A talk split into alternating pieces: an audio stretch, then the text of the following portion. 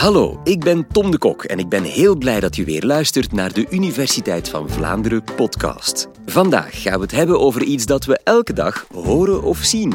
Iets dat niet alleen een invloed heeft op ons humeur, maar ook op wat we dragen. Iets dat we zelf kunnen doen door naar boven te kijken, maar dat we toch best overlaten aan de echte professionals, zoals Frank of Sabine. Inderdaad, het gaat vandaag over het weerbericht. Klimaatwetenschapper Samuel Helsen neemt ons mee in de wonderenwereld van isobaren en straalstroom. Waarom is het toch zo moeilijk om het weer te voorspellen? Dit is de Universiteit van Vlaanderen.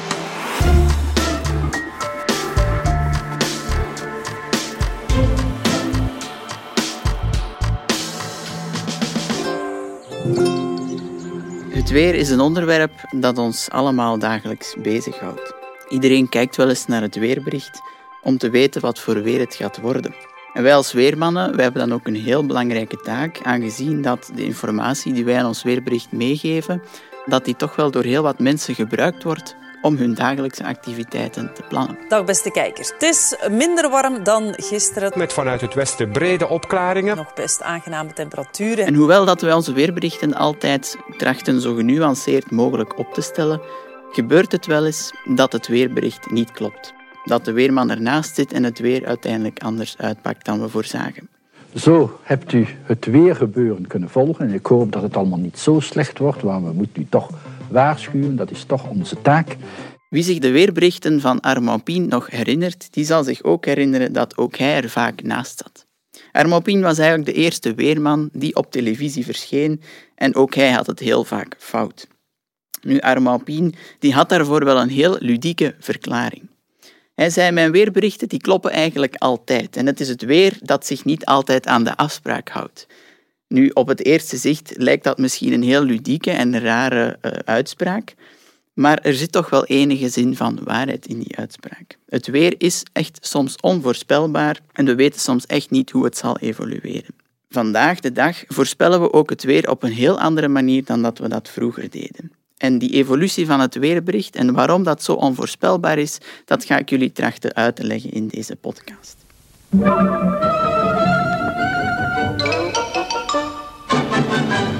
Beste kijkers, dat is het beeld van gisterenmorgen om twee uur in infrarood. Kijk goed naar deze storing. Nu, vandaag de dag gebruiken wij als weermannen voor onze voorspelling de uitkomst van weercomputers, weermodellen genaamd. Die weercomputers en die weermodellen die berekenen eigenlijk voor ons wat het weer gaat zijn en die maken voor ons de weerkaarten. Nu, vroeger hadden ze nog geen computers voorhanden en werd het weer op een heel andere manier voorspeld. Dat gebeurde op een analoge manier, dus zonder het gebruik van computers. En toen vroeger het eerste weerbericht werd opgesteld, dat was in 1876. Dat gebeurde toen in het KMI, het Koninklijk Meteorologisch Instituut van België. Dat was de allereerste weersvoorspelling en die werd maar uitgegeven ook voor één dag. Dus die eerste weersvoorspelling was redelijk kort, was ook redelijk beknopt en was dus een weerbericht dat gebaseerd was enkel en alleen op een weerkaart. Die weerkaart werd niet geproduceerd door de computer zoals wij het vandaag de dag doen, maar die werd wel met de hand getekend. Die weerkaart die werd met de hand getekend op basis van gegevens, weergegevens, die via de telegraaf werden doorgestuurd uit verschillende stations uh, verspreid over Europa. Dus op basis van die gegevens ging men dan eigenlijk handmatig een weerkaart tekenen. En op die weerkaart kon men dan door bijvoorbeeld stations met een gelijke luchtdruk met elkaar te gaan verbinden, kon men eigenlijk ook de isobaren gaan plotten op die kaart. En kon men kijken waar de hoge en de lage drukgebieden gelegen waren.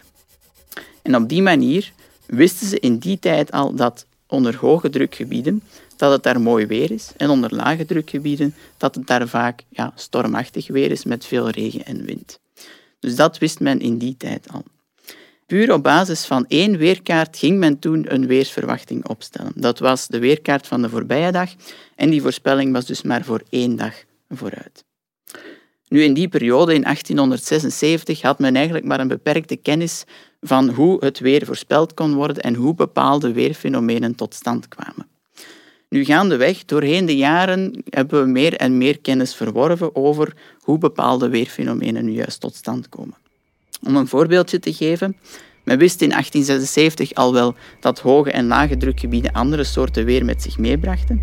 Maar in de jaren 20 van de 20e eeuw heeft men ook ontdekt dat wolken en neerslag zich bij uitstek vormen op zogeheten fronten, op plaatsen waar twee luchtmassa's met een verschillende densiteit en temperatuur, die plaats waar die twee luchtmassa's botsen, dat daar fronten gevormd worden. op zulke plaatsen vindt er dus wolkenvorming plaats en gaat er zich ook neerslag vormen. Die fronten zien we ook vandaag nog altijd op het weerbericht verschijnen. Die staan op de weerkaart afgebeeld als rode, blauwe en paarse lijntjes. Dus vandaag als we die weerkaart bezien en we bekijken die vanuit het weerkundig standpunt, dan kunnen we zeggen waar dat die fronten zich bevinden en waar dat we ook wolken en neerslag kunnen verwachten. Dus dat wist men in de jaren 20 ook al. Een andere uitvinding van de jaren 20, niet zozeer een uitvinding, maar ook eerder een ontdekking, is dat men toen ook al probeerde om het weer te gaan voorspellen, niet alleen op basis van weerkaarten, maar ook op basis van de wiskunde. Dus men kreeg toen het idee om het weer te gaan voorspellen door wiskundige formules te gaan oplossen. En door um, bepaalde berekeningen uit te voeren kon men een beeld krijgen van oké, dit is de huidige toestand van het weer.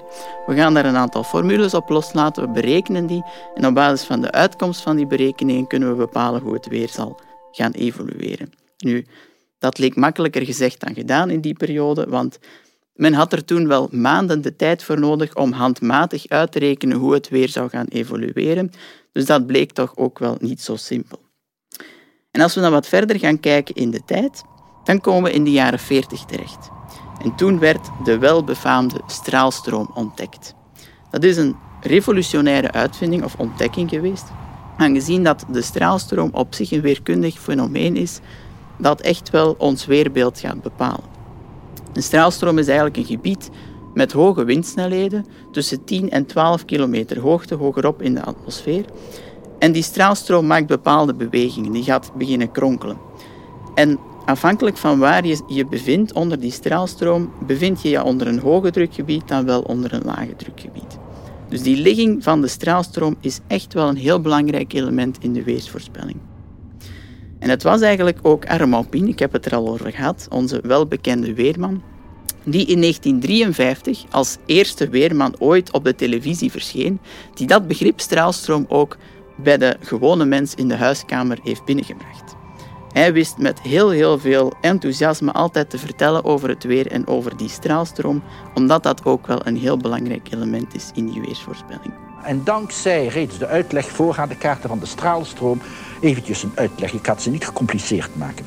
We zien een straalstroom op tussen 6 à 12 kilometer van ons hoofd. Die windtunnel met die grote windstellen kan in twee splitsen. Dus ook ten tijde van Armaupin hadden we nog altijd geen weercomputers voorhanden om het weer te gaan voorspellen en gebeurde dat eigenlijk aan de hand van handgetekende weerkaarten.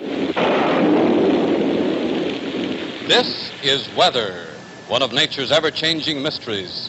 It affects every one of us every day of our lives, and yet we know relatively little about it. Nu, Vanaf de jaren 50, 60 kwam daar heel wat verandering in. Want in de jaren 60 is de computer op de markt gekomen en konden we dus die computer ook gaan gebruiken om het weer te gaan voorspellen. We spreken ook wel over de numerieke weervoorspelling. The hero of our story tonight is the giant electronic brain developed by Remington Rand, UNIVAC.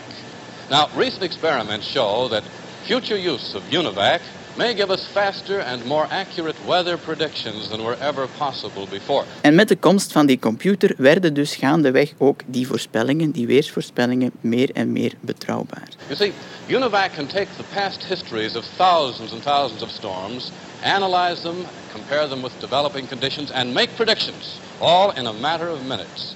En gaandeweg kwamen er dus ook meerdere modellen ter beschikking en werden die modellen ook veel beter, aangezien dat we doorheen de jaren ook meer kennis kregen van de weerfenomenen. En konden we ook beter inschatten hoe dat we bepaalde weerfenomenen konden gaan omschrijven in zo'n modellen. En dan zijn we in de jaren 70 beland. In de jaren 70 zijn er heel wat nieuwe ontdekkingen gedaan die ons ook hebben geholpen met het beter in kaart brengen van de huidige toestand van het weer. Om een goede weersvoorspelling te maken heb je altijd een goede indruk nodig van hoe het weer er nu op dit moment uitziet, om dan te kunnen gaan kijken in de toekomst. De weerradar werd in 1957 al ontwikkeld en ook in de jaren 60, 70 en ook in de jaren 80 werden er steeds meer satellieten de ruimte ingestuurd, waarmee we dus op basis van die satellietbeelden ook een beter beeld konden krijgen van de ligging van bijvoorbeeld wolken, maar ook de ligging van die fronten en de gebieden waar dus de neerslag zit. Dus enerzijds hadden we die weercomputers die voorhanden kwamen, en anderzijds konden we dus ook die actuele weertoestand beter in kaart brengen. En dat maakte dus dat we gaandeweg ook betrouwbaardere weersverwachtingen zijn kunnen gaan opstellen. Nu, aanvankelijk waren dat nog zeer beknopte weerberichten van slechts één of twee dagen vooruit. Maar doorheen de jaren zijn we ook steeds verder in de tijd kunnen gaan kijken. Dus in de jaren 1979 al was het eigenlijk voor het eerst dat we tussen twee en vijf dagen vooruit konden gaan kijken in ons weerbericht. Dus die voorspellingen die gingen steeds verder in de tijd. En als we dan nog wat verder in de tijd gaan, richting jaren 80, 90, dan hebben we toch ook gezien dat de komst van het internet in de jaren 90 en ook de technologische evoluties nu toch ook heel wat veranderingen hebben teweeggebracht. Die komst van het internet heeft er dus voor gezorgd dat we real-time, in reële tijd, heel wat gegevens met elkaar kunnen gaan uitwisselen.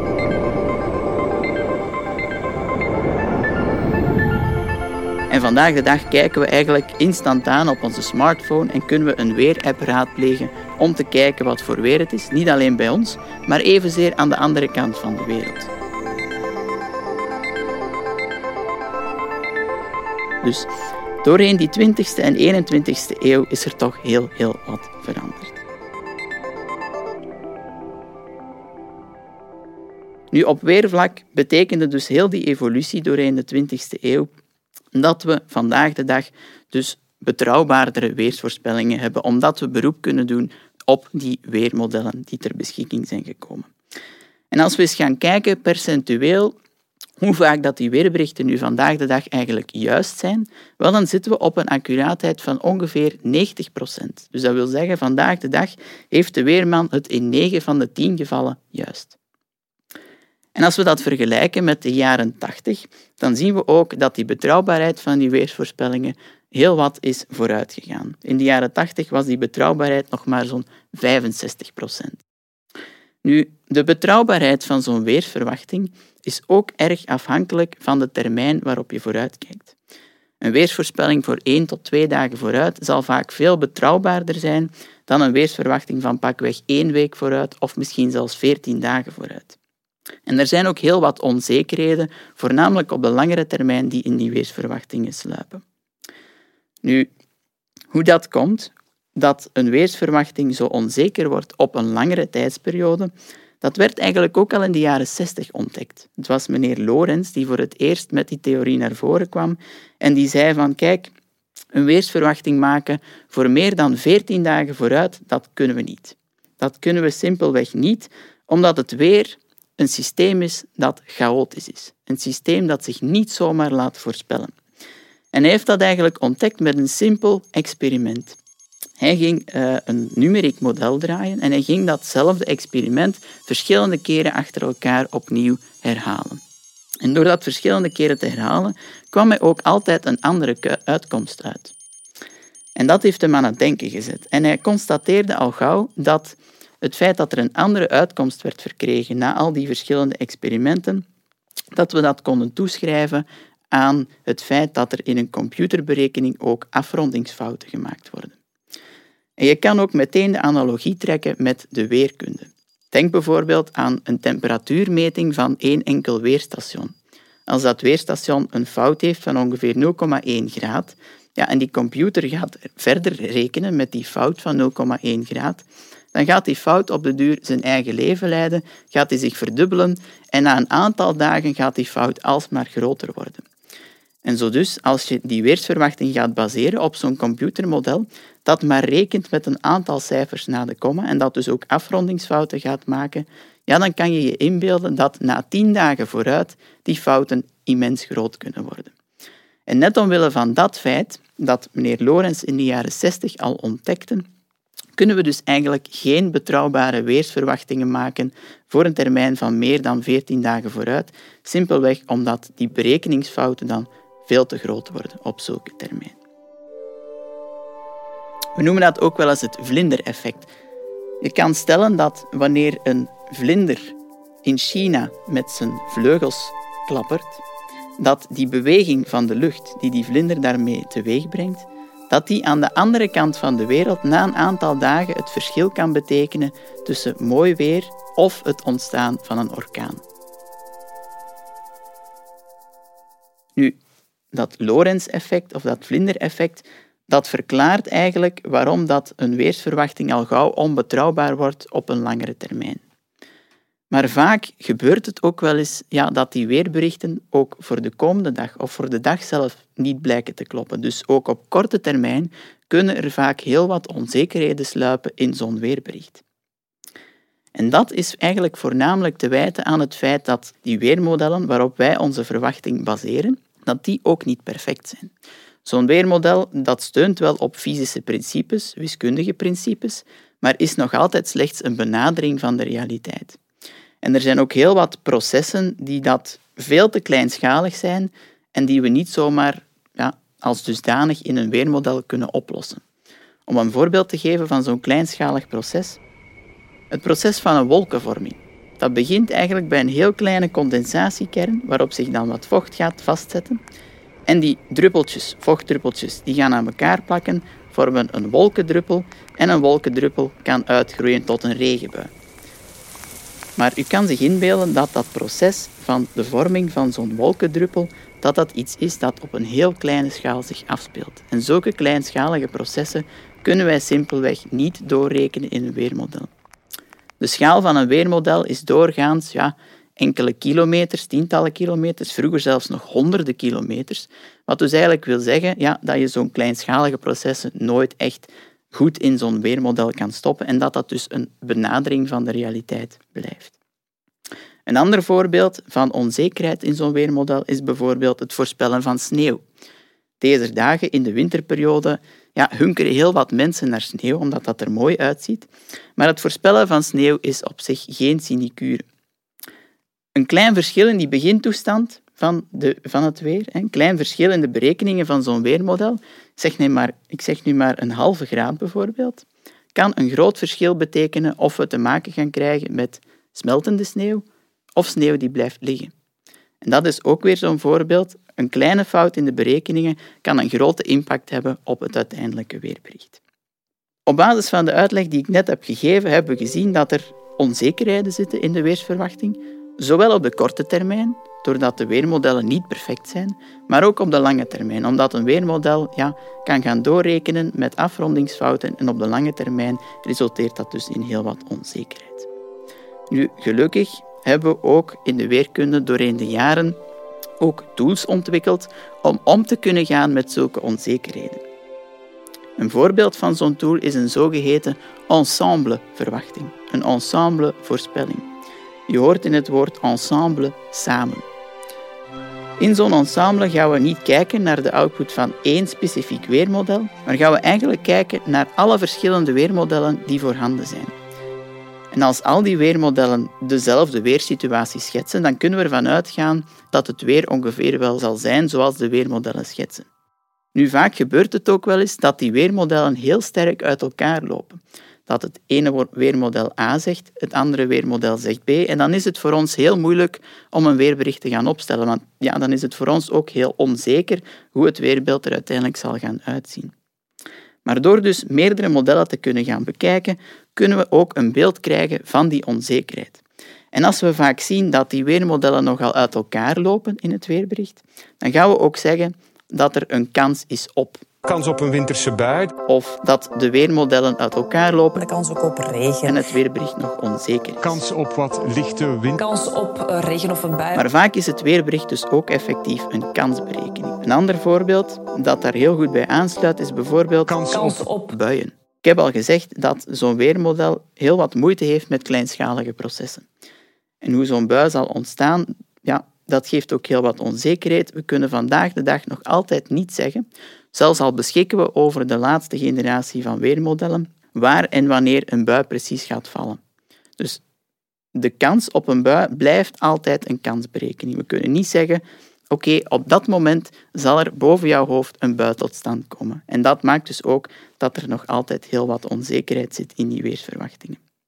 Een andere tool die we hebben bijvoorbeeld om om te gaan met die onzekerheid is om op basis van de uitkomst van één weermodel artificieel eigenlijk een soort van Lorentz-effect te gaan creëren. Dus we gaan vertrekken van de huidige toestand van het weer, maar we gaan die huidige toestand van het weer een beetje veranderen. En we gaan verschillende soorten scenario's creëren.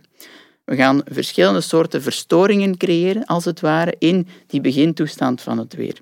En als je het weermodel dan laat rekenen met al die verschillende scenario's, dan gaan uiteindelijk die verschillende scenario's in de toekomst ook allemaal uit elkaar liggen. En op die manier krijgen we dus ook op basis van de uitkomst van één specifiek weermodel een indicatie van de onzekerheid naar de toekomst toe. Dus die tools die we daarvoor hebben, die ensembles, die zijn echt wel heel belangrijk om te kunnen inschatten of het weerbericht heel zeker zal zijn of er ook nog heel wat onzekerheden gaan zitten in ons weerbericht. En dat brengt ons terug bij de beginvraag die ik stelde. Hoe komt het nu eigenlijk dat een weersverwachting vaak zo onzeker is? Dat is enerzijds omwille van het feit dat modellen niet perfect zijn, en anderzijds is dat ook te wijten aan het feit dat weermodellen rekenen met afrondingsfouten en die afrondingsfouten steeds groter worden naarmate de tijd vordert. En om terug te keren naar die uitspraak van Armand Pien, die ik in het begin vermeld heb. Hij zei, mijn weerberichten kloppen eigenlijk altijd. Het is enkel het weer dat zich niet altijd aan de afspraak houdt. Wel, na deze uitleg kunnen we eigenlijk concluderen dat dat effectief waar is. Een weerman is maar zo accuraat als de weermodellen die hij gebruikt. En als die weermodellen inschattingsfouten maken, ja, dan zal het weerbericht van de weerman ook fout zijn. Ook al heeft hij de weermodellen juist geïnterpreteerd.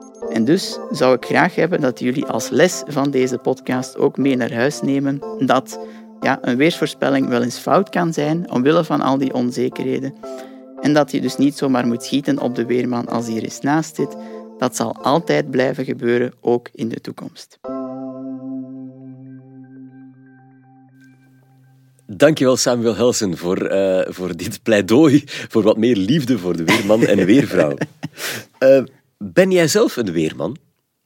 Ik ben zelf ook een weerman, niet beroepsmatig, maar vooral in mijn vrije tijd. Ik maak eigenlijk dagelijks, uh, s morgens en s avonds, voor mijn eigen regio weersvoorspellingen, die ik ook op een Facebookpagina post elke morgen heel, heel plezant. Over welke regio hebben we het dan precies? Dat is regio Zuiderkempen in de provincie Antwerpen, maar ik neem ook de regio van Mechelen mee, dus het is een redelijk ruime regio. En zit jij aan 90% uh, eh, juiste voorspellingen? Ik hoor heel vaak van mensen van, jij zit er altijd knal op. Maar vorige week, ik heb nog, het sluit eigenlijk perfect aan bij wat ik net verteld heb. Ik heb vorige week er nog eens grandioos naast gezeten, omdat alle weermodellen aangaven dat het bewolkt zou zijn. En uiteindelijk bleek het een stralende dag te zijn. Is het um, makkelijker of uitdagender om het weer voor die ene bepaalde regio te voorspellen, vergeleken met bijvoorbeeld voor het hele land? Dat is moeilijker, hè? Ja, omdat weermodellen, ik heb het al vermeld in mijn praatje, eigenlijk vrij grootschalig zijn. Nu, voor zo'n specifieke regio is dat moeilijker om die details daarin te gaan brengen.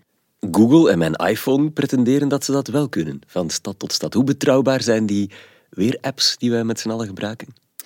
Ja, die weerapps die zijn eigenlijk gebaseerd op rechtstreeks wat er uit de weermodellen komt. Hè. Dus enigszins zijn die betrouwbaar voor de korte termijn. Maar ik denk zeker als je gaat kijken, want heel wat apps kijken ook langer vooruit, van één week tot veertien dagen vooruit. En op basis van wat ik net verteld heb in mijn praatje, kan je al wel inschatten dat die betrouwbaarheid naarmate je verder gaat in de tijd vaak heel laag ligt. Het zou dus ook fijn zijn als we die 90%-grens nog wat konden verleggen. Zit dat er nog in, die, die 10% uh, eh, nauwkeurigheid die we nu nog niet halen? Wel, op basis van de evoluties die we gezien hebben sinds de jaren 80 tot nu, kan je echt wel stellen dat de accuraatheid en die betrouwbaarheid van die weerberichten fel verhoogd is. Dus ik denk als we die lijn proberen te trekken naar de toekomst, dat we ook wel kunnen gaan verwachten dat die weermodellen nog beter gaan worden en dat dus die betrouwbaarheid in de toekomst ook hoger komt te liggen. Maar ik denk wel dat er een aantal zaken zijn, zoals bijvoorbeeld die inschatting van die buien. Dat zullen wel zaken zijn die altijd heel onzeker blijven, denk ik, ook de komende jaren nog. Je bent mooi het rijtje met ontdekkingen sinds de eerste weersvoorspellingen in 1876 afgegaan. Uh, de hoge en lage drukgebieden, de fronten, de straalstroom, de weerradar uh, die we dan eh, ontwikkeld hebben, de satellieten die we de lucht hebben ingestuurd. Zijn er nog altijd dingen die we echt niet begrijpen? Die we, is er daarbuiten nog ergens een straalstroom die we niet kennen? Oh, dat is een goede vraag. Uh, ik denk dat dat voornamelijk zaken zijn, ook op kleinere schaal. Um, die wetenschap van de weermodellen is iets wat continu in evolutie is. En er zijn heel wat processen, zoals ik gezegd heb, die je niet zomaar als dusdanig in een model kan stoppen. En dus er zijn heel wat empirische studies voor nodig ook om bepaalde vergelijkingen op te stellen om die weermodellen beter te maken. Dus in die zin is er heel wat wetenschappelijke vooruitgang op dat vlak. En wordt er ook heel veel onderzoek nog naar gedaan. En ik denk dat dat eigenlijk het voornaamste is in deze discussie dat dat iets is wat continu in evolutie is. Geeft het een kick om er bonk op te zitten? Zeker en vast, ja. Ik kan eigenlijk geen enkel moment nog op geen enkele dag niet met het weer bezig zijn. Ik kijk continu naar boven, ik kijk continu, klopt mijn voorspelling nog wel van vanmorgen? En als die voorspelling niet blijkt te kloppen, ja, dan moet ik er als de kippen bij zijn om mijn Facebookpagina aan te passen en om te zeggen, kijk, het weer is niet zoals ik het vanmorgen gedacht had, het is nu zo. Ik zie je tot hier glunderen van het, van het plezier. Frank de Bozere is ooit eens heel boos op mij geworden toen ik in november aan hem vroeg of we een witte kerst zouden krijgen. Vanaf wanneer mogen mensen dat aan jou vragen? Ja, toch liever uh, minder dan één week vooruit. uh, dan gaan we nu niet doen, want het is nog maar januari 2021 wanneer we dit opnemen. Dankjewel, Samuel Helsen. Het weervoorspellen is dus een vak apart. Wist je trouwens dat je ook de inhoud van deze podcast, de volgende aflevering, kan voorspellen? Het enige wat jij daarvoor moet doen, is een goede wetenschappelijke vraag opsturen naar info.universiteitvanvlaanderen.be en dan doen wij de rest.